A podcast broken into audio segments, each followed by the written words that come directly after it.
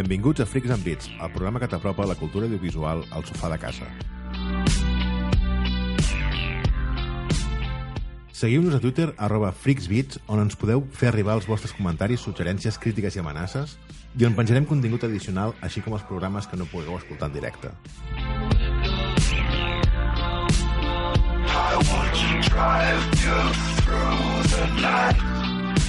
Avui a l'estudi som Pau Sabés, Hola, bon dia. Néstor Sart, Hola, bona tarda. Magí Berneda Molt bona nit. i un servidor, Pau Aguilar.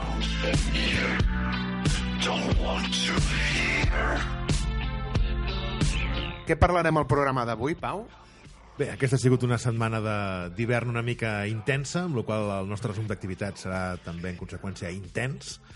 Um, després parlarem també de la nominació als Oscars, també dins el, el, el resum de les nostres activitats. I, finalment, ens espera un programa bastant centrat en el que és el llançament del Resident Evil 2 i la nostra experiència amb aquest joc. Bé, Magí, què has fet tu durant aquesta setmana? A part de viciar, vols dir, no? A part de viciar, correcte. Doncs poca cosa. No, treballar una mica, eh, de tant en tant. A veure, eh, coses interessants. Eh, moda, el mode història del Super Smash Bros. finiquitat. Gran joc. Tinc moltes ganes de jugar-lo amb vosaltres, nois. Sí, no? Fer unes batalletes aquí... Sí, home. jo això- estic in. Mode 4, això ho hem de catar. Um, també vam, vam, vam acabar amb la meva dona el The Witness. Eh, ja us vaig parlar d'ell breument, però és una meravella. Si us agraden els jocs d'enigmes i de trencar-vos molt el cap, realment eh, és per gaudir-ho. Nivell, nivell molt xungo o quin nivell de vull- dificultat estem parlant? A veure, de- el joc no té nivell, és a dir, no, no el pots triar, i el nivell dels enigmes, doncs comences amb coses senzilletes i, i acaba sent una mica de mal de cap. Doncs eh? mira, jo aquest me l'apunto. Apunta tal, The Posa, es posa hardcore, no? es posa molt divertit i la gran gràcia d'aquest joc és que tu potser a l'inici, el primer quart d'hora sí que és molt guiat, però després ja tens accés a tota la illa i és una illa plena de portes, d'espais, que has d'anar activant uns làsers, que els veus, diguéssim, són làsers que són com molt grans, no? Però per accedir a ells pots arribar-hi de moltes maneres diferents. I hi ha zones on són molt... Que, que arribes a un lloc o un panell amb un, amb un enigma que clarament dius no estic preparat per entendre'l i el joc es fa anar per altres vies. Però tu pots provar-ho, eh? I, de fet, eh, eh, realment molt, molt recomanable. I per últim, eh, la novetat també, que feia... Això és un joc que ja va sortir fa temps, però que aquest, eh, aquests últims dies el vam poder gaudir, va ser el d'Intenciones Ocultes. No sé si coneixeu aquests, el, aquests últims jocs que han anat traient a Playlink, la, la companyia, que són jocs que són de descàrrega, o sigui, són jocs per PlayStation, però que necessiten el, del, dels mòbils dels, dels jugadors per poder interaccionar amb la pantalla. L'Àcido Tu i Has sido companyia. tú, sí, el saber es, es poder es ganar o i, i aquest d'Intenciones Ocultes que era el, el joc que tenia història eh, i que també hi havia aquest punt d'interacció amb la gent aquest el vam poder jugar amb el Pau amb el Sí, Pau Sabés sí. i, i les nostres dones i realment va ser una experiència Són jocs llavors de mòbil amb micropagaments... Eh, eh... No, No, no, no. és un joc de Play. és un joc de de play, Play. en el que el, Necessites el mòbil. al mòbil, et descarregues una aplicació en el mòbil i en el mòbil pots interaccionar decidint coses, utilitzant la pantalla tàctil del mòbil com a cu- cursor en moments determinats Això pot anar el tema és l'Àcido Tu, per exemple, és un joc de taula passat a la Play 4 i aleshores jugues contra els que esteu asseguts, cadascú té el seu mòbil i són, et van fent coses com eh, dibuixa algú, fes-te una foto imitant aquesta foto. I en comptes d'anar gastant paperets, com faries amb un joc de tota la vida... correcte. però té aquest punt de... Sobretot me l'ha sido tu amb el tema d'interacció amb la càmera, que et pots fer fotografies a tu, et fas selfies, això va... Sí, a més després te, te la vas passant entre els diversos jugadors, no? Aquesta mateixa foto... sí. sí. I a l'Intenciones Ocultes eh, ens portarà una cosa que us volem dir és Bandersnatch, perquè aquí va començar un debat amb l'Intenciones Ocultes i, i la sèrie Bandersnatch també, que està relacionada, i us donem una setmana a partir d'avui per veure Bandersnatch. Situem una mica, Bandersnatch sí. és un capítol, l'últim capítol, diguéssim, de la, de la sèrie Black Mirror. Sí, o sigui, teniu una setmana per anar a Netflix. Eh, des, això sí, necessitareu que sigui des d'un Smart TV o un iPad o un ordinador i anar a l'últim capítol de Black Mirror, Bandersnatch, que la setmana que ve el tocarem i... I, i aprofunditzarem una Sí. miqueta, i per no fer-vos spoilers us donem... Bueno, tampoc és que anem a fer spoilers, però No. només que parlem una mica de la dinàmica, jo crec que ja, podem rebentaríem, mica- ja rebentaríem una mica Aneu allà i cateu-lo. Sí, si sou una mica actius en xarxes socials, segurament Ja sabreu. Ja, Ja haureu vist algun spoiler. ja, ja sabreu que, que sí, que és un capítol especial. Doncs, senzillament això. Eh, Doneu-li un cop d'ull. I per part meva ja està. Néstor, la teva setmana com ha anat? Doncs, eh, pues un parell de cosetes. Hem, jo he vist finalment Glass, ja, Mm, que m'han parlat aquí al que programa. vam parlar fa- en el programa, vam, Sí, sí. vam parlar del tràiler, vam parlar de la tercera part eh, després del Protegido i de Múltiple o Split. No diguis res, no diguis res, que jo I encara sí, la tinc eh, pendent. Re, bueno, dic que és més a la línia del Protegido que, que de Múltiple, a nivell de d'estil de pel·lícula, però sí, potser em reservo una mica perquè sé que, que això donarà debat amb el Pau i... i No cal spoilers, però ens podria donar una nota de l'1 al 10. Del 0 Sí, al 10. bueno, s- la Néstor llista, eh, qui- quina puntuació li dona? Néstor Marc. Eh, la posaria amb 6 i mig. Ja no hi vaig. Quan, quan surti eh, amb Blu-ray i el Pau saber se la pilli, ja me la deixarà. I ja desenvoluparem el, el per què del 6 i mig, eh, però, però és això. Sobretot amb el Pau crec que, que ell que és un gran defensor del Protegido... Eh, Bueno, perdó, eh, el Magí diria que també és prou defensor del Protegido. Del prote i a mi de les dues, d'entre Protegido i Múltiple, em quedo un múltiple. I em quedo un múltiple com amb bastanta més nota. Per mi, Protegido és correcte, sin más, bé, però no, no molt bé. Em sap greu, Pau. Senyor, dame fuerzas.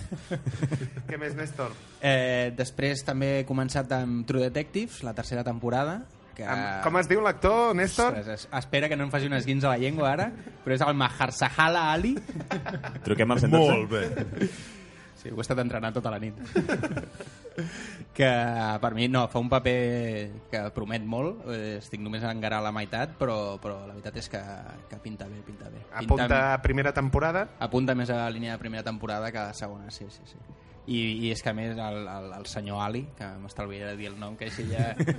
Tracta de vostè, tracta de vostè i ja està. Sí, el senyor Ali. Eh, no, per, fa un paper. Per mi és un actor excel·lent. Eh, també tinc moltes ganes de veure en el, en el Green Book, la, la pel·li que també Eh, ha ara- rebut diverses nominacions. Ara en parlarem per sobre ara amb les nominacions. Eh, però em sembla un actoràs, em sembla brutal. I la pel·li està, està, està molt guai, té molt bon ritme i, i, i la veritat és que enganxa.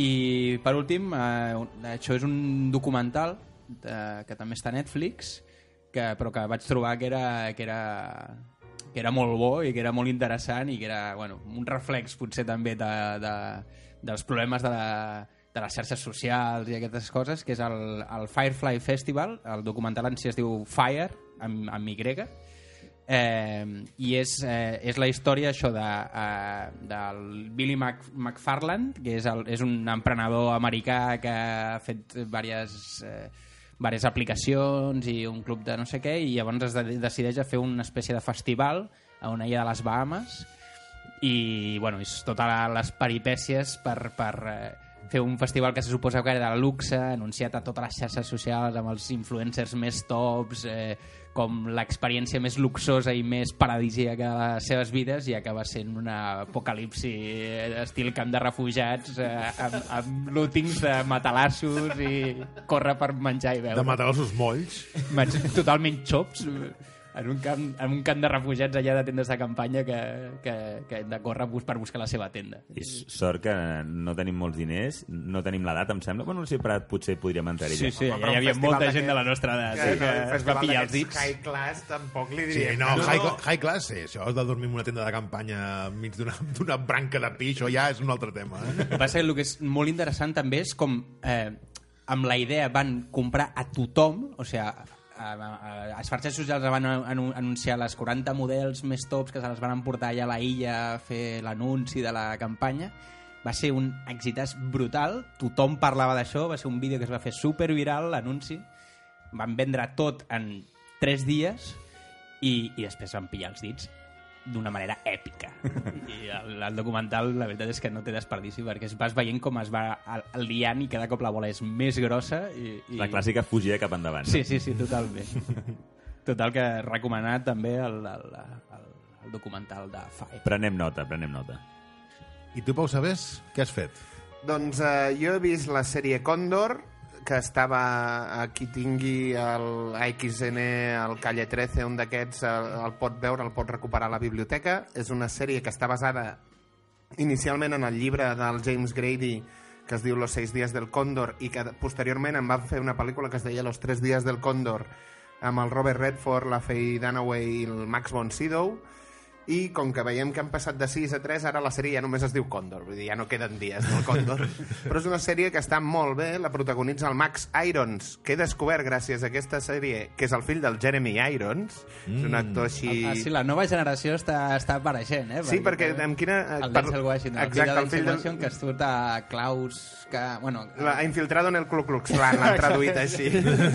però sona això, vull dir, ha infiltrat a la universitat... Del... Sí, 21 Jump Street, no? Infiltrado en classe. Bueno, però que sí que també és una comèdia, però potser seria una mica diferent, no? Sí. Doncs la sèrie Condor la, pro la protagonitza el Max Irons i també té com així eh, papers importants el William Hart i la Mira Sorbino. És una sèrie sobre eh, la CIA, espionatges, atentats terroristes, atacs de falsa bandera. Està molt bé i em va agradar molt. És, és sèrie per això d'aquestes història lineal o és d'aquestes de cas per capítol, tipus CSI? No, no, en principi és, eh, em sembla que són 10 episodis, com a molt, i és, eh, comença i acaba. Destacar el paper del Brendan Fraser. Un Brendan Fraser, que el que estem acostumats a veure al Guaperes dels 90, a la mòmia i tal i qual. Lo passa Allò que feia a de, mi de, mai- de policia montada del Canadà. Però mai em va convèncer com a guaperes, aquest Sí, paio. exacte. Bueno, mi és un tio que no, favor, no, no. és un... Però el, el paper a la mòmia és d'heroi Guaperes. Sí, sí, sí. És Em el- passa com amb el Hugh Grant, Però el realment, a mi. al sí, centre com de a seductor i tal, no, és que no, no el veig. Ah, no el el Hugh Grant. Però el Hugh Grant té la... La, la, la, La flema britànica, Exacte, aquesta cosa, que sí, té sí. aquest punt així Sí, de sí. noblesa britànica que... Sí, el, doncs el, el, aquí el veureu eh, que li, li clareja, o sigui, se li veu el cartró, amics, eh, li comença a clarejar i s'ha engreixat un munt, però fa un paperot fantàstic, o sigui, és, és fantàstic. És una sèrie, el que dèiem, tota una temporada és sobre aquest noi, el Max Irons, que és un analista de la CIA que treballa en un think tank, en un think tank, i que passa cosa, no direm el què, i a partir d'aquí ha d'esbrinar per què ha passat l'algo que ha passat. És George de la jungla 20 anys després.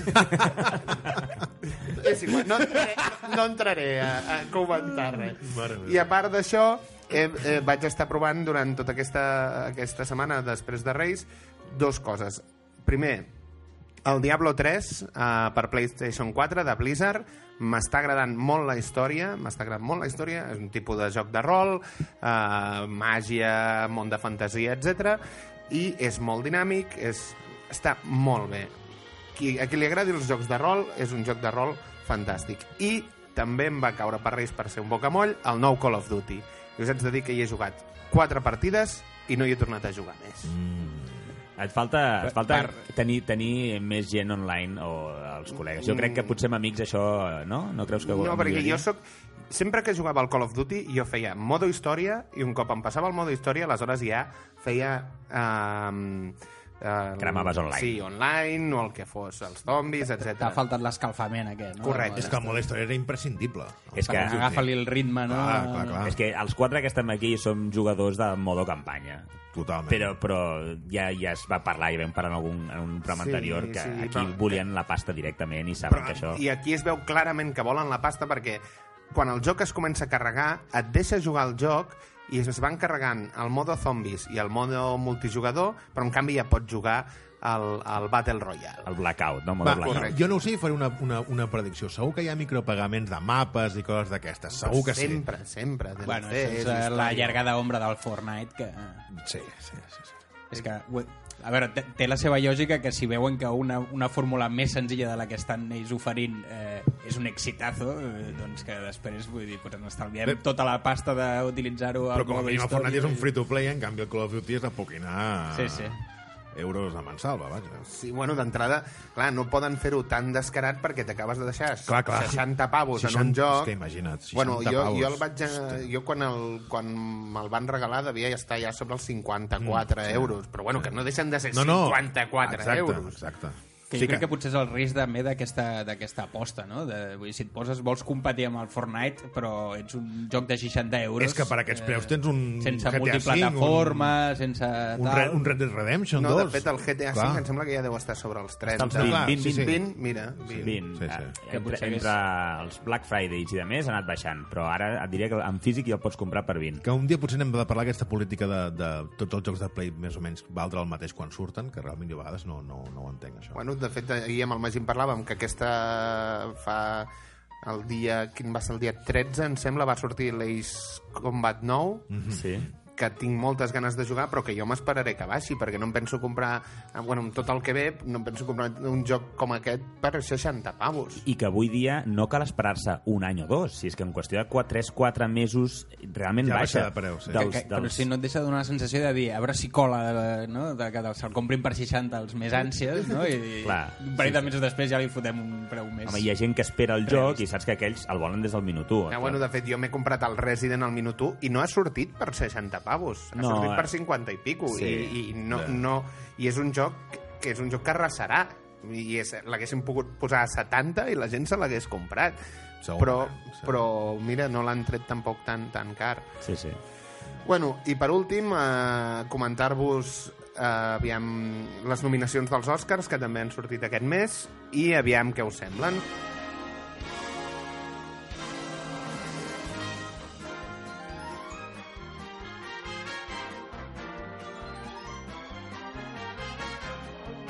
A millor pel·lícula, Black Panther. Això, que eh, empiecen los Juegos del Hambre, nois, vinga. Home, a mi, a veure, no, no és una pel·lícula que em desagradi, eh? em sembla una bona pel·lícula, però com a ser nominada als Oscars millor pel·lícula de l'any, em sembla absolutament... Clar, jo crec que, que perquè també podria... Ara sortirà qui dirà ai, per què no han fet els Avengers Infinity War? I jo tinc la teoria que com van fer amb el Senyor dels Anells, si us hi fixeu, les nominacions al Senyor dels Anells tenien bandes sonores i tal, però les nominacions gordes li van caure quan van acabar la trilogia inicial. premi final, no? Exacte, i suposo que nominaran els Avengers, aviam si els hi surt un bodri ara amb Avengers Endgame, no, però si la pel·li acaba sent coherent, els Avengers rebran nominacions ara al final de- de- d'aquesta pel·li. Jo segueixo creient que Infinity, el- el l'Infinity War és, per mi és millor. Sí, per mi també. A més, a nivell de... El que passa que jo crec que el tema de la Black Panther ha tingut també molt ressò a nivell social, I de tant. ser una primera pel·li amb els superherois Clar, però aquí també, hi ha, però aquí també hi ha Infiltrado en el Ku Klux Klan, que també està nominada en aquesta prenominació a les millors pel·lícules, i és de l'Spike Lee, que és un dels actors afroamericans més reivindicatius, ha fet Malcolm X, ha fet... Sí, però en canvi és un, no deixa de ser una comèdia i, i eh, jo crec que a nivell d'acadèmia els hi costa molt Sí, que una comèdies- comèdia sigui la millor pel·lícula de l'any. Com molt Mejor complicat. impossible. Sí, Ha de ser una comèdia d'aquestes que diguis, sí. potser és la comèdia de, o No, que de la dècada o d'algú així, perquè, Sí, perquè si sí, no, perquè Mejor Impossible és un pel·lículó. és un molt- pel·lícula. molt sí, bona. Sí, sí, sí, sí. Bueno, fem una d'això. La favorita. Roma del Quarón. La- Perdona, la- perdona. sí, sí. Jo, jo no, no l'he vist, la favorita, però he de, he de dir que l'altre dia per les notícies que parlaven de les nominacions em, em trencava tota l'estona que fessin el comentari de i la favorita.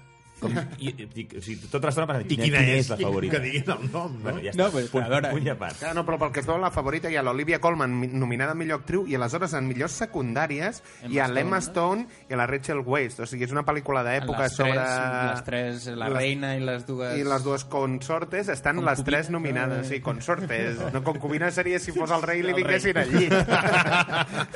Bueno, encara no l'hem vist, Pau. bueno, està pendent, però diuen que també és una pel·li molt bona. I, i és comèdia, entre comèdia i d'això. O sigui, Bueno, és aquesta fina comèdia línia, com- lleugera. comèdia i drama. co- comèdia lleugera. Però Uh, sí, no, no, té, no té mala pinta. Eh? aviam, Néstor, Roma, del Roma, qual tu sí. que l'has vista, què? A veure, eh, jo crec que és una pel·li eh, molt d'acadèmia, d'aquestes de... A veure, és una pel·li que és deliciosa a nivell visual, perquè sí que... però és un ritme extremadament lent, i, i en la que tot, és, tot el que passa l'has- ho has de llegir entre línies. I llavors doncs, crec que és una barreja que Mare és... meva, com pinta això. La És- podeu veure a Netflix, per cert.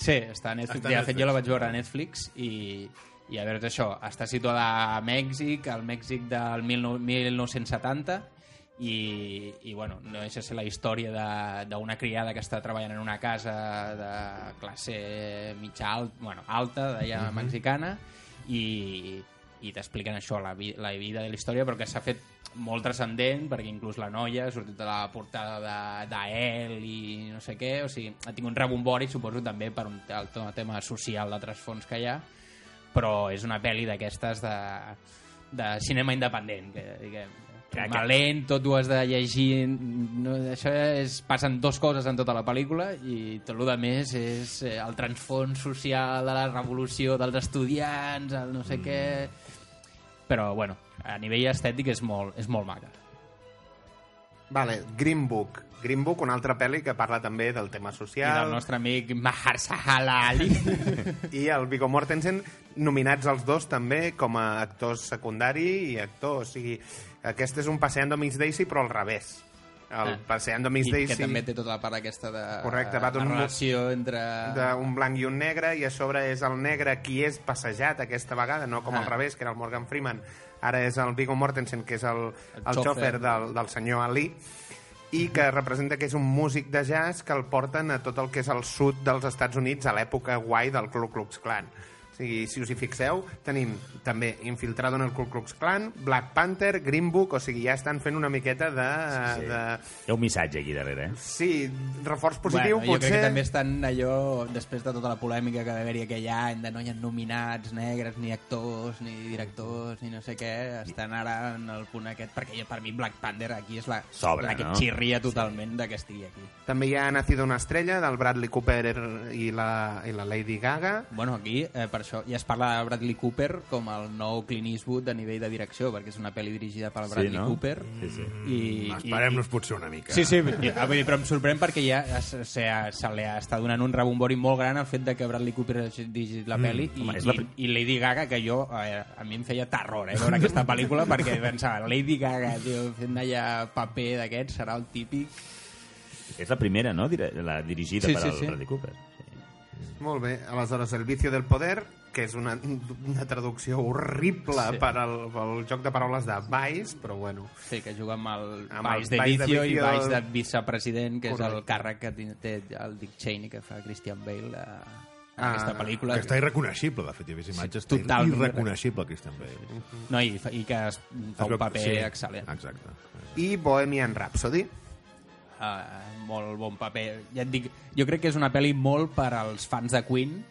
I que la Eh. nominació amb ell com a actor sí que se la Sí. mereix, però la pel·lícula com Com a, a millor pel·lícula, no, a veure, no em dóna la sensació ni... A veure, estèticament està bé perquè re, recrea tots Sí, els concerts, tot el d'això en sis i, i realment mires els vídeos de, dels concerts de, de Queen que es feien i, i com el, el, han fet l'adaptació i és brutal perquè és, sembla... El, Calcat, sí, sí. Està calcat i el, sí, sí, el paper que fa el, el, el, com es diu l'actor el, Senyor Robot.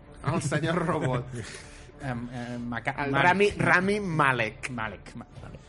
Doncs eh, el fa, fa un Queen molt bo, però és això, no, no, no em dóna la sensació de que de que, hagi, que porti cap cosa nova a la Com història a de pel·lícula, Queen. no? Sí. Sí, sí.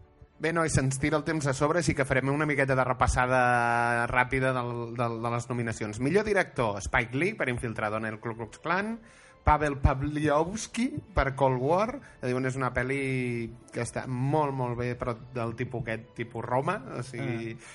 Uh, Yorgos Latimos m'ho han fet per tocar-me els pebrots ja. El Però Yorgos és Lanthimos- curiós perquè te, tot, tots els directors nominats són molt de diversos llocs. Sí. Sigui, un grec, un mexicà... De fet, un- hi ha, hi ha l'Spike Lee i l'Adam McKay, que són els dos uh, uh, americans, i els altres, perquè la següent és l'Alfonso Cuarón per Roma i l'Adam McKay per El vicio del poder. I el Yorgos aquest Latimos per La favorita. Millor actor, Christian Bell per El Vice, Bradley Cooper per Ha nacido una estrella, William Dafoe per Van Gogh, Van Gogh a les puertes, bueno, una, aquesta no se n'hi ha estrenat aquí, em sembla.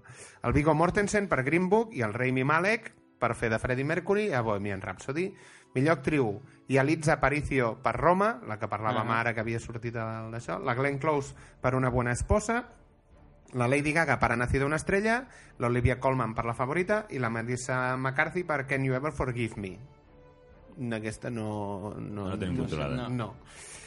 El Mahershala Ali Eh, bé, bé. com a millor actor secundari per Green Book, l'Adam Driver, el senyor Kylo, Kylo Ren, per Infiltrador en el Ku Klux Klan, el Sam Elliott per Ha nacido una estrella, i el Richard E. Grant per Can You Ever Forgive Me, i el Sam Rockwell per fer de George Bush el vicio del poder. Millor actriu secundària, doncs, nois, eh, porteu-me una mica d'aigua perquè m'estic arniant. Millor actriu secundària, Amy Adams per Vice, Madrina Tavira per Roma, Regina King per el Bruce de Bill Street, no em sona, em sap greu, i aleshores tenim la Emma Stone i la Rachel Weisz per La Favorita. Millor guió original, La Favorita, El Reverendo, Green Book, Roma i El vicio del poder. Com veieu, van entrant estem una mica en, en aquestes en ja cicle. 4 o 5 que estan, no són les favorites, clarament. I ara aquí ve uh, millor pel·lícula d'animació, Los Increíbles 2, Isla de Perros, Mirai, Ralph Rompe Internet, I la guanyadora? Spider-Man Multiverse. Jo crec que aquesta està bastant cantada. Sí, tot i que Los Increíbles 2 és bona. És bona? Sí, és bona. És bona? És bona. Ostres, jo crec que comparat amb la U està a anys llum. La, la U és també la novetat, no?, d'aquesta És que em idea sembla de... que la història és dolenta directament. El, Sí, aquesta de la... Taran, taran. no entrem. No, no, ja en parlarem. No en parlarem. No, però és igual, sigui com sigui, Spider-Man Multiverso és molt Guanyarà. millor. Molt millor, sí, sí. I, eh, perquè no, encara ens falta saber la setmana del Pau. Molt ràpid. Primer, pel·lícula, uh, The Ritual, pel·lícula anglesa de fa relativament poc. sí, està a Netflix penjada de fa... No sé si és 2017, potser, Pot ser, 2016. pot ser. Uh, la premissa de la qual és bastant senzilla, és, sense anar molt lluny en l'argument, eh? però vull dir, és un grup d'amics que es veu sacsejat per un fet tràgic, que és la mort d'un d'ells, i per complir, diguéssim, el somni d'aquest amic se'n van a fer una espècie de De... trekking, eh, no? Sí, fan, fan Eh, com una ruta per Noruega. Uh, sí, per Suècia, Noruega, per aquella zona, per zona de boscos i tal, i zona de màgia i de coses estranyes. I sale mal. Sale mal, sí. Pel·lícula de terror anglesa de fa relativament poc, doncs això, eh, entretinguda, bé, bastant bé. I en tema videojocs, eh, jo li he fotut molta canya al Cities Skylands, que el joc de Colossal Order i Paradox. És un city builder com estem acostumats, com podia ser el SimCity, l'antic SimCity, que ara ja està amb el pobre, l'última edició que van treure, que va ser bastant, bastant penosa però diguéssim que és el city builder de referència actualment, un joc molt, molt bo, en el qual va sortir l'últim DLC, que és el Industries, on s'hi dona una empenta en el sector industrial del, del joc. Val molt la pena, jo, si us agrada el, el tema aquest de construir eh, ciutats i tal, si haureu fans del, del SimCity, eh, us ho recomano, el, el City Skylands. I, mm, com a petit apunt final, dir que ha sortit el primer vídeo de gameplay del Imperator Rome, on surt el, el, el cap de desenvolupament jugant en una estoneta i pinta molt bé. Moltes mecàniques semblants a la Crusaders Kings 2, també del de Paradox, també, eh, però pinta molt, molt bé aquest joc. Molt bé. Fantàstic.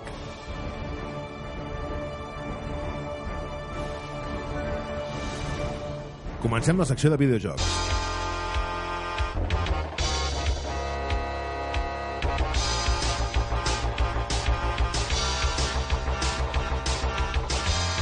Bé, dos notícies ràpides i comencem ja amb el Resident. Magí, què ens portes? Um, dos fricadetes ràpides avui. Per una banda, ha sortit fa uns dies, el, va sortir el tràiler anunciant un joc de Power Rangers Battle for the Grid. Aquesta la, Si té el nivell de la pel·lícula que van fer, Aquesta- serà infumable. L'he portat, l'he portat a la notícia en plan sorpresa perquè sabia que no sabíeu res d'això. La millor banda sonora del món.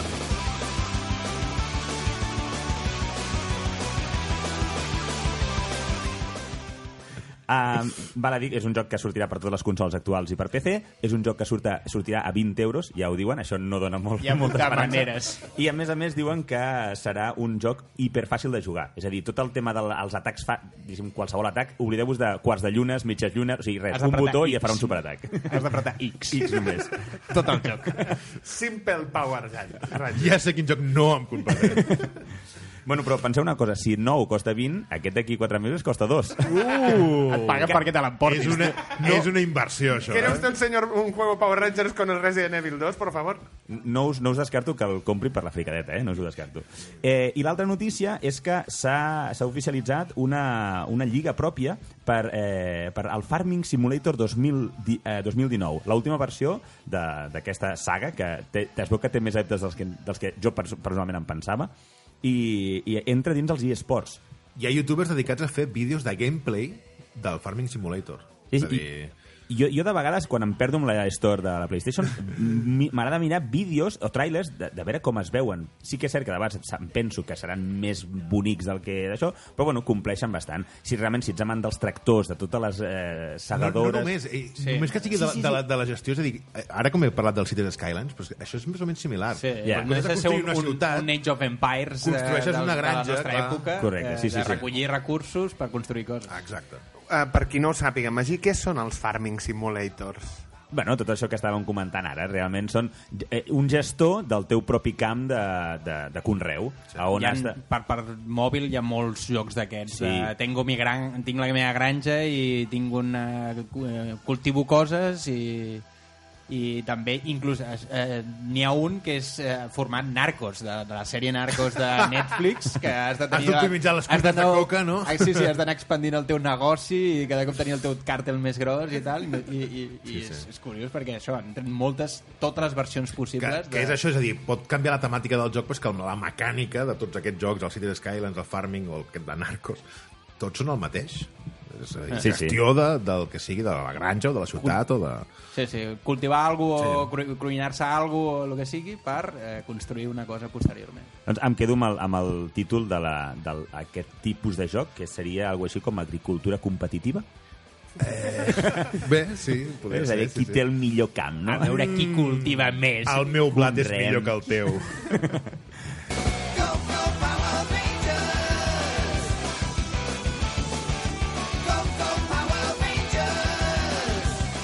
I ara sí és el moment de parlar de la nostra experiència amb el remake barra reboot barra el que vulgueu del Resident Evil 2.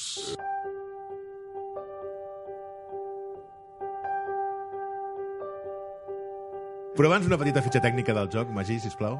Molt bé, a veure, aquest remake que ha sortit eh, fa escassos dies, el eh, Resident Evil 2, originalment és un joc que va sortir per moltes plataformes, la primera d'elles va ser PlayStation 1, al 1998. Uf. Després va sortir per Dreamcast, GameCube, Nintendo 64 i versió per PC. A darrere hi ha la desenvolup desenvolupadora Capcom, amb Hideki Kamiya com a director i Shinji Mikami com a productor.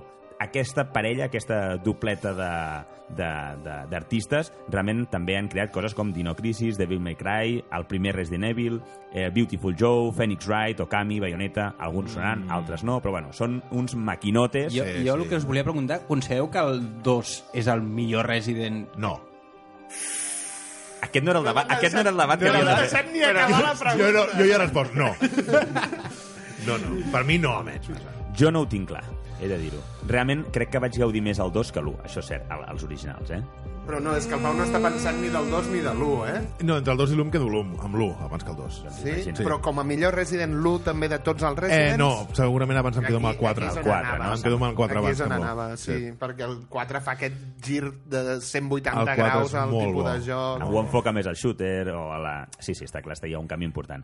Bé, doncs, del 98 era aquest original Resident Evil 2 i el 25 de gener va sortir el remake eh, que té el mateix nom. De fet, li diem tots remake, però el, el joc es diu Resident Evil 2. Ximpum. Rebut.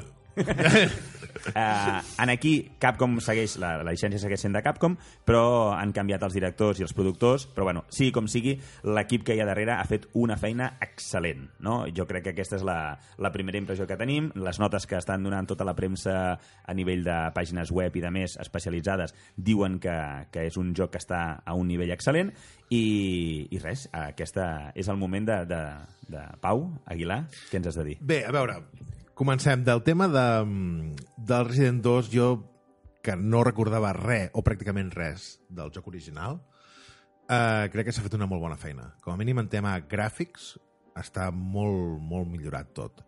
Um, en tema gameplay, bé, també.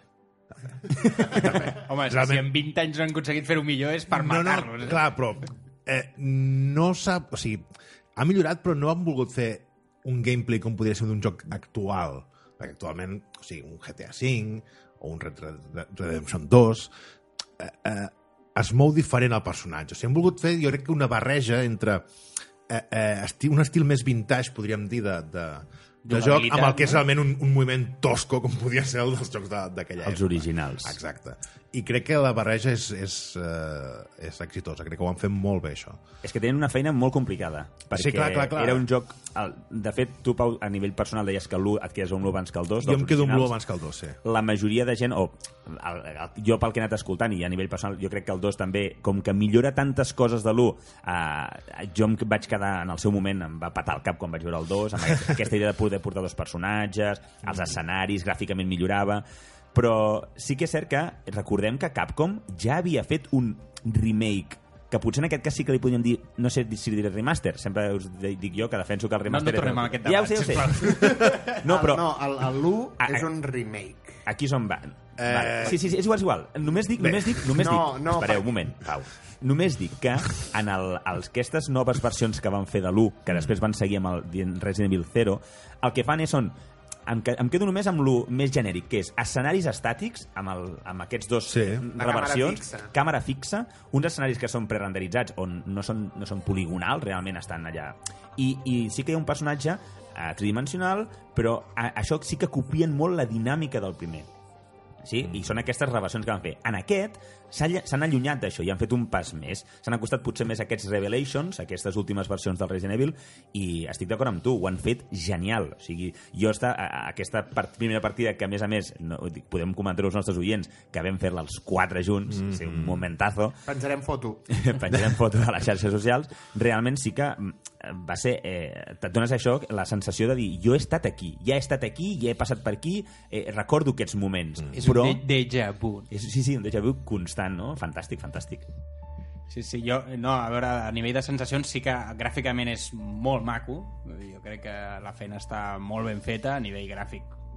L'han posat al dia, com, com, com tocava.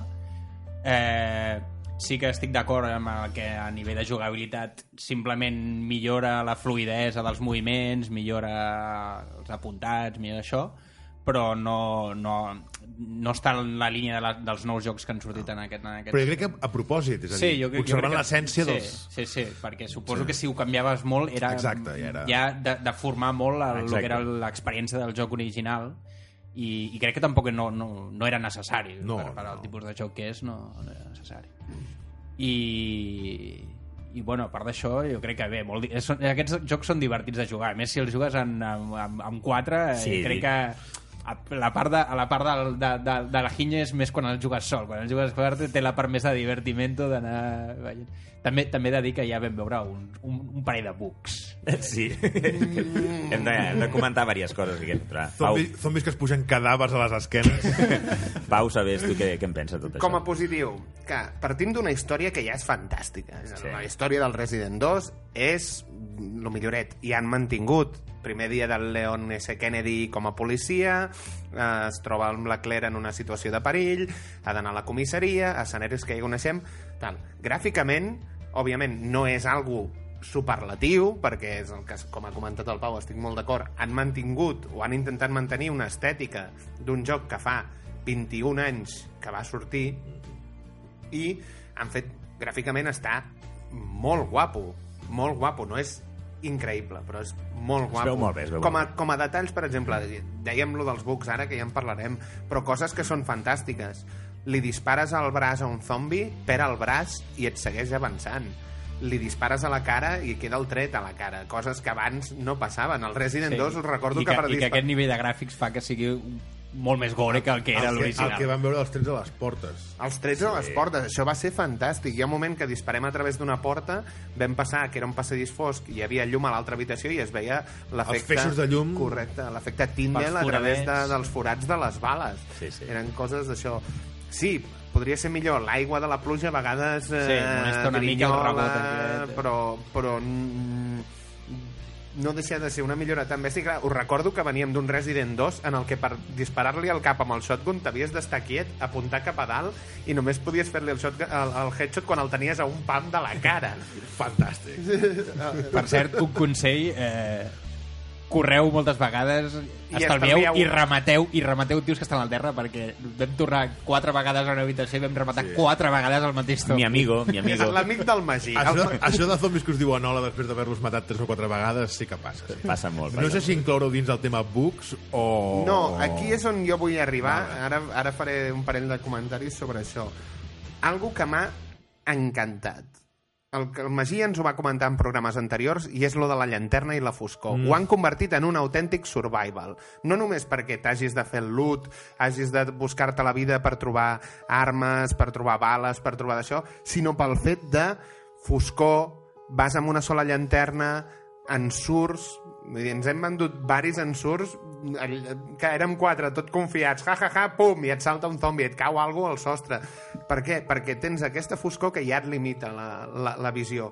Cosa que abans et passava amb la càmera estàtica en el joc, com que ara no tens càmera estàtica i és un joc que és molt ergonòmic, la foscor et dona aquest plus d'angoixa, d'atrapament, de... i és eh, fantàstic. La- I clar, amb, amb la pistola tu ports dur la llanterna, però ja amb el shotgun diria que ja no la pots portar.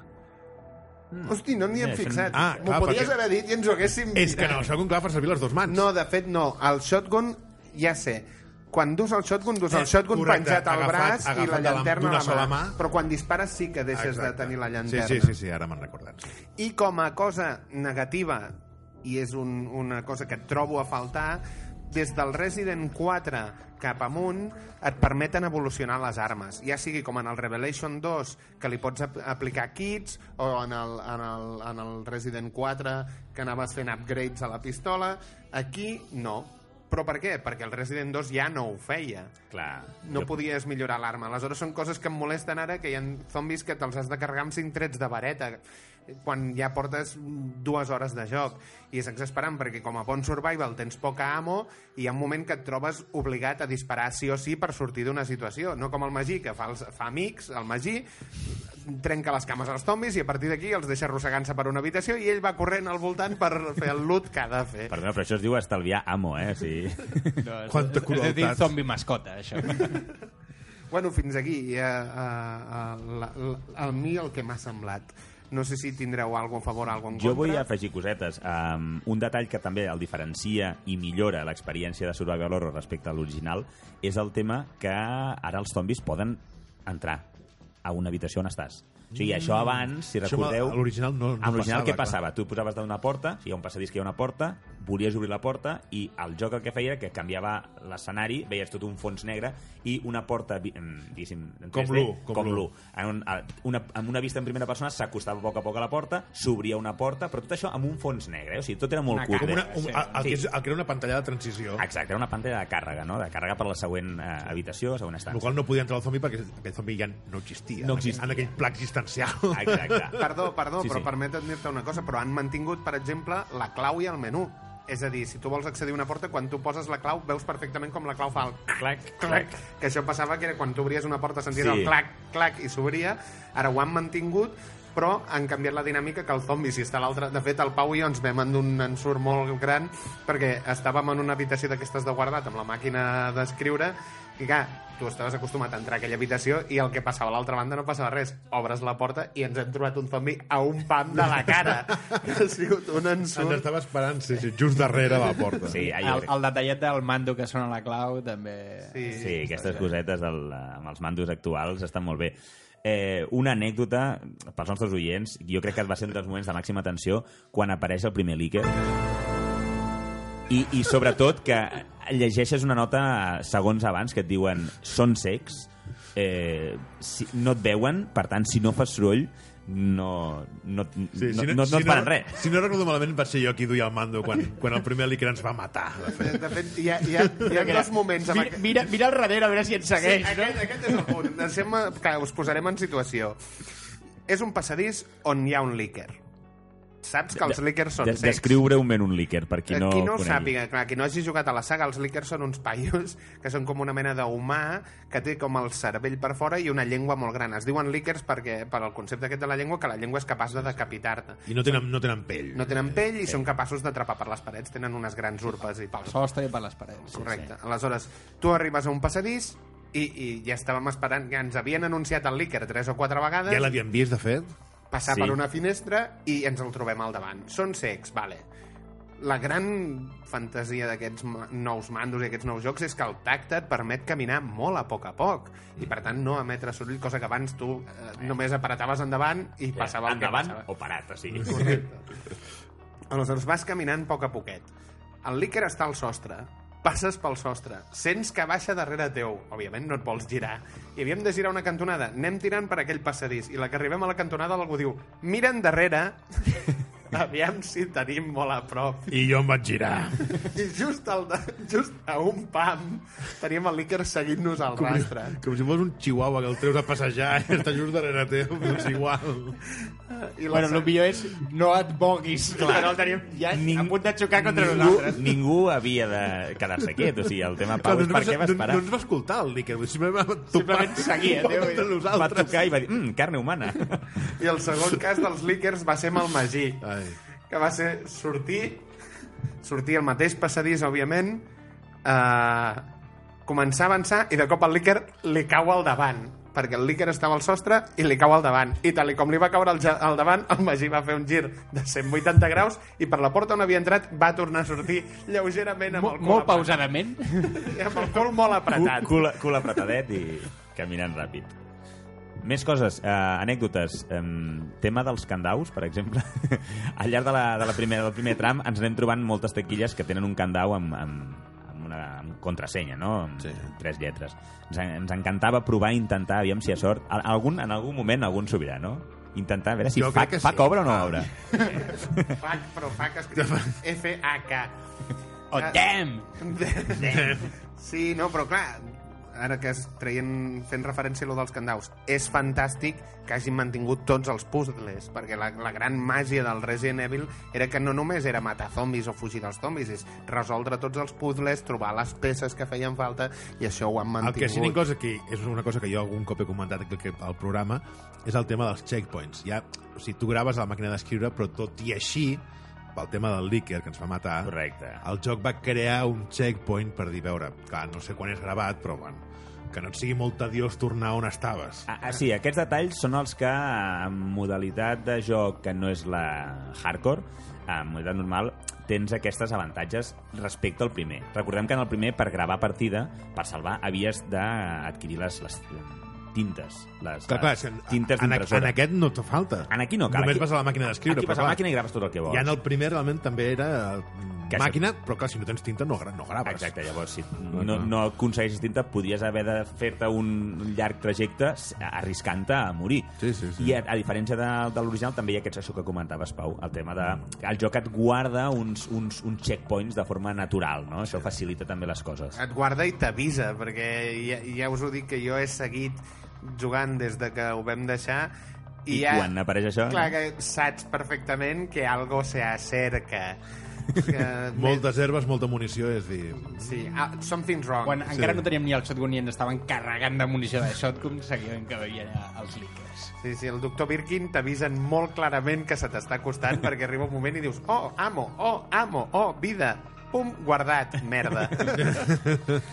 Jo una de les coses que sí que m'agradaria també remarcar com a ben boniques i, i que fa molt bé el joc és aquest equilibri entre exploració, acció i puzzles. Correcte. I se- separant els puzzles de la- de la- de Sí, l'exploració. Els puzzles diguéssim. no podríem dir que siguin d'una gran dificultat. Jo crec que és més de recerca, no? De Sí.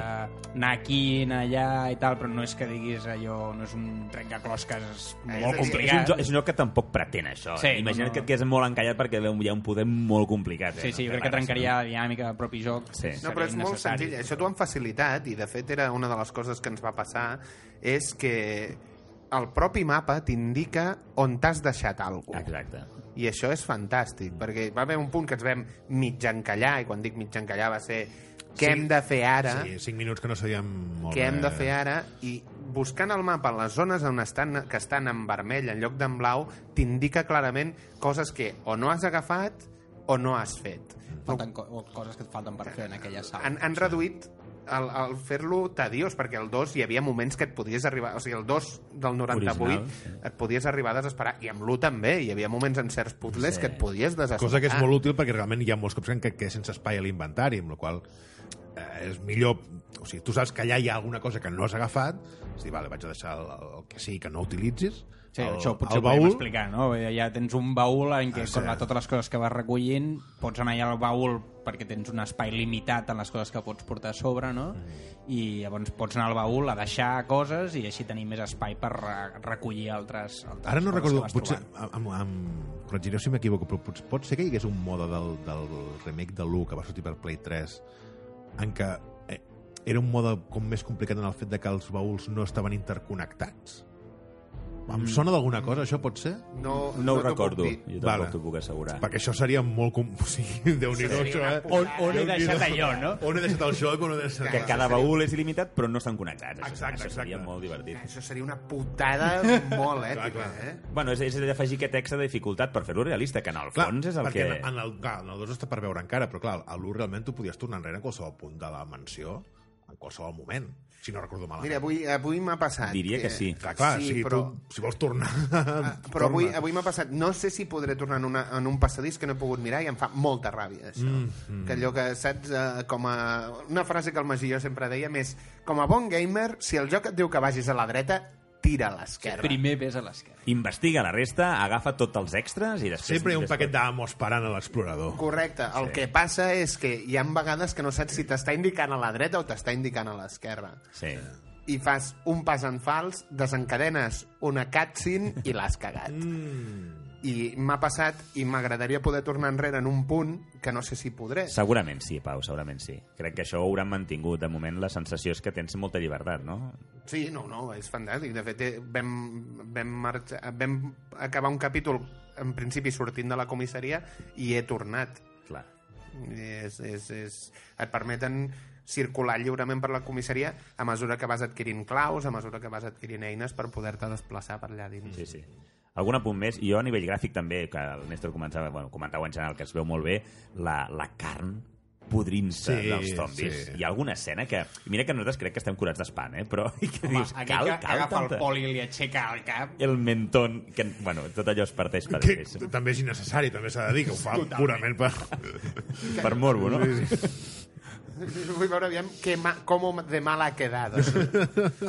I, i igual que el moviment erràtic dels zombis. Realment, a mi una de les coses que m'agrada, encara no, no sé, no n'hem vist molts de zombis, però sí que vas veient que tenen, eh, gràficament els hi han fet, que això avui dia que tampoc ha de ser molt difícil, la roba diferent, cares lleugerament diferents, Sí, que no siguin tots el mateix que no zombi són repetit. clons, sí, home, són, són persones O diferents. sigui, que no? aquest és el prototip bé. de zombi poli, no? Ah, exacte, Aquest, això, això també ho fa molt bé. Hi ha tres o quatre, i a més hi ha Sí. femenins i masculins, Sí, sí. o sigui... Hi ha el cabell llarg... Eh... I aquest moviment erràtic que fan, que crec que desesperant. és molt desagradable, Per però apuntar. aconsegueixen el tema d'apuntar, que en aquí també cal recordar mo- momentazos. Pau, tu, Pau Sabés, vas fer un, un moment de... Li vaig fer la silueta a un zombi. No, no, però tu te, va- vas, vas ser capaç del millor i del pitjor, perquè hi va haver un moment que vas resoldre una situació amb dos zombis molt a prop, de pam, pam, te'ls vas treure molt, molt de sobre, que això, aquests moments de tensió, aquest joc és màgic en aquest, en aquest sentit. I d'altres que no, d'altres que et van agafar, no sé si va ser a la biblioteca, que et van agafar per tot arreu. que era, era un suma, suma i sigue. Sí. I de fet, tota la vida de... que teníem. la vida i, i gairebé tota l'amo. Avui m'ha passat amb el Pau, que és el punt aquest de... Com que els zombis caminen com a zombis, és a dir, tenen aquest bamboleo constant, tu, apuntant, la retícula es va fent petita a mesura que estàs més estable. És a dir, tens una retícula molt gran on l'impacte més o menys anirà i com Sí, més estàs quiet movent. estàs, correcte, com més quiet estàs, la retícula més s'ajusta a un punt centrat. Clar, tu vols fer-li un headshot a aquest zombi perquè saps que, com a bon seguidor de sagues de zombis, només es moren per un tret al cap i et poses a apuntar-lo al cap i quan dius ja el tinc, de cop el zombi pum, gira cap a la dreta i el teu tret vola Ah. per l'espai. I estem parlant que només tens 15 bales i saps que 3 o 4 són per matar aquest zombi. I si el xulo per... també d'aquest joc és que els ganivets se't gasten. Perquè Oh, abans podies nova tirar de mecànica, sí. ganivets, sí, eh, ganivets gastats. a saco i estalviar molta amo, però Clar, en aquest perquè- se't va trencant el ganivet i... que era el que parlàvem ahir uh, abans, en el Residence a posteriori, quan se't tiraven a sobre els zombis, tenies algun mecanisme físic per desfer-te'n. Ara, si no tens un ganivet o no tens una granada, no et pots treure els zombis de sobre. Et mosseguen, passi el que passi. Però és molt divertit veure't a tu tocant, tot el, Tocant tots els tots els sticks per intentar treure la sort, que no passa res. Ja, ja, Jo és ja. el que us vaig dir que trobava a faltar algun tipus de prompt quan t'agafen els zombis per de, algun... de que no et mosseguessin, però clar, també entenc que... Sí. Només t'ho permet amb el ganivet o amb la granada. Sí. Sí, I, i, i que, que posa pell, la pell de gallina aquests moments en què els zombis t'agafen, com la càmera s'acosta molt i veus aquests gràfics tan ben parits no? de, del zombi mossegant-te, que aquesta zona... O dels... o dels, perquè també poden agafar de dos en dos, sí, sí. No, ja et dic, per mi és uh, una millora fantàstica, és un, un joc de zombis. O sigui, han millorat el 2 o han adaptat el 2 a les noves tecnologies, l'han convertit mantenint l'essència en un joc que és uh, un survival molt bo, molt bo, ja veurem si el Days Gone li passa o no la mà per la cara, però jo crec que d'entrada aquest serà un dels millors jocs de zombis de l'any. També s'ha de veure si surt el Last of Us, si surt el Days Gone, i aviam com evolucionen, però han aconseguit que aquest sigui un joc fantàstic. És que acabes de fer el comentari de si, a veure si és el millor joc de zombis de l'any i jo, la pregunta, jo trauria zombis aquí. O sigui, és a dir, que segurament estem davant d'un dels jocs de l'any. I sap com greu perquè ha sortit el 25 de gener, no? I Ah, dir, però li poden donar un goti a un remake? segur que sí. Si el remake està prou ben fet, no entenc no, per però què no no. dic perquè sigui, no dic perquè se li pugui donar o no se li pugui donar, sinó pel fet de que ja era un joc que ja existia i l'han Ja ja. l'han millorat. Aleshores, perquè no sé, no, no recordo si el 98 el Resident es van dur algun premi, ho hauríem de mirar, No, no, no però sé. clar, seria... han agafat la mateixa història i l'han millorada. Suposo que sí que se li podria donar un goti perquè si ho considerem ja no un remake, sinó un reboot Això ens seguirà sempre. Això ens seguirà al sempre. final. Ja sé que anem perdent, cada cop que traiem el debat perdem ullets, però ja, ja ho consideres un joc nou, aleshores. Ja ho consideres un joc nou. I jo, que sóc no em sap greu dir-ho, però diria que sóc el, el més zombifílic de tota aquesta taula, m'està Em sembla no. Que Eh, eh, clarament eh, segur... te- Tens, tens una parafília rara. m'està encantant. Vull dir, M'està Sí, sí, encantant. no, és molt, molt guapo. Jo crec que també té el punt aquest nostàlgic, no?, que el fa que, a més eh, aquell record no? d'haver-lo jugat ja d'una manera i veure l'ara tan millorat que, no? que encara és més excitant el rotllo de dir... Clar, però jo ten... a mi em passa una mica com el Pau. Jo recordava molt més l'1, i a part perquè l'1 l'havia jugat quan van treure la versió de la GameCube i el vaig jugar després amb el remastered de, de la Play 4 i el tenia molt més recordat el l'1 que el 2. Sí que hi ha el punt nostàlgic perquè recordo l'escena primera i tot això, però Perquè l'Iker... Sí, tot sí, això sí. és fantàstic, però, però jo me l'he plantejat com a joc nou. Coneixes els personatges, coneixes les situacions, però com a joc nou, Sí, sí. i el trobo No, a mi m'agrada el fet de que no és que hagin agafat el joc original, hagin fet així una petita rentada de cara ja o va guanyar calés. És a dir, si, han, si veu que s'hi han invertit recursos i ho han fet... Eh, Sí, sí. molt, Barbie molt. Malibu con un nuevo shop. Ah, Exacte, sí, sí, sí. Pues, A veure, sí. a veure, home, jo aquest era dels que esperava de remakes eh, abans, ara no s'ha pres encara des de fa molts mesos i això a veure com acaba sortint eh, del Final Fantasy VII, que també crec que la, la sensació podrà ser similar a la que els fans d'aquest Resident Evil 2 original han tingut amb aquest, no? de dir, hosti, quina sort que tenen. A veure, I el el- Resident 2 m'agrada. segurament perquè el, el, el, Final 7 potser és el més icònic de, és la, que, de la saga, és clar. que el Final I 7... el vull dir, Medieval. Jo sempre dic que sóc com sóc pel Final 7. O sigui, hi ha una part de mi que allò va canviar. Em Va, em va Mira, encantar. I jo que sóc bastant poc de jocs de rol, aquest és un que vaig acabar i vaig, la veritat és que vaig gaudir a, a saco aquest. I el Medieval també és un altre que, que, que ara li faran el remastered i aviam què. O Sí, sigui, si però- segueixen fent reboot, remastereds o com li vulguem dir en aquesta línia, tenen, tenen la meva... Sí. meus, take my money, perquè ja, si agafen jocs icònics, com estàs dient tu, el Final, el Resident, no només els hi fan una rentada de cara, com han pogut fer ara amb els, amb els Residents, el 4, el 5 i el 6, sinó que els reinventen mantenint l'essència, mm, hi ha una quantitat de gamers d'entre 40 i 30 Sí, sí. que arrasaran amb aquests jocs, perquè són jocs que t'han marcat la infància i que ara tenen la qualitat dels jocs d'avui en dia. Que, molt, que molts d'ells ara tenen poder adquisitiu, amb el qual això de les companyies Sí, sí. els ha d'interessar. Sí, sí, tant. Ara, ara, ara imagineu-vos, així, eh? Tiro una mica així, que treuen el Metal Gear Solid 1 amb la qualitat del Phantom Pain. Va, el problema, el, el Metal Gear Solid 1 ja va tenir una versió millorada, que és el Twin Snakes de la GameCube. No sé Però si el era, recordeu. sí, jo hi he jugat i estava menys pixelat. Eh? Ja. Tu ara et poses, el, et poses el, el, ai, el, el Metal Gear Solid 1 i la retina No, no. se't cou. Sí, sí, sí, has de jugar... De fet, la cara de l'Snake era un píxel, de fet, gegant, enorme. De color carn. Correcte. Sí, sí, no, això seria màgic. Clar, I els, del, I els del GameCube van fer una, una reducció d'aquest píxel i li van posar Eren ombra... 4 píxels. Correcte, ombra a la zona dels ulls. Però ara imagina't que agafen el d'això i treuen el Metal Gear amb la qualitat... Sí, sí, el ja. compràvem tots, Tots. de, de, de, de carrer. I és un joc que hi hem jugat milers de vegades, Sí, sí. Però és que hi quèiem tots de quatre Clar, grapes. són bastant, bastant Metal Gear Felix, també. Sí, sí. I com ha anat el tema Resident Evil en l'adaptació al cinema? Mal, Pau, ha ido mal. Molt malament. Aviam, hi ha sis pel·lícules de Resident Evil no tenim temps avui per, per dedicar-li cap comentari Ni el més mínim extens. comentari. No, direm que són el Toby Maguire de les pel·lícules de zombis. uh, però el, en- ja en parlarem algun dia sobre les pel·lícules. I mira que la Mila Jovovich és bastant millor que el Tommy Maguire. Sí, sí. Jo només dir-vos que per mi de les la millor és la segona, perquè intenta ser més fidel al que seria una mica la història, però tota la resta... Eh.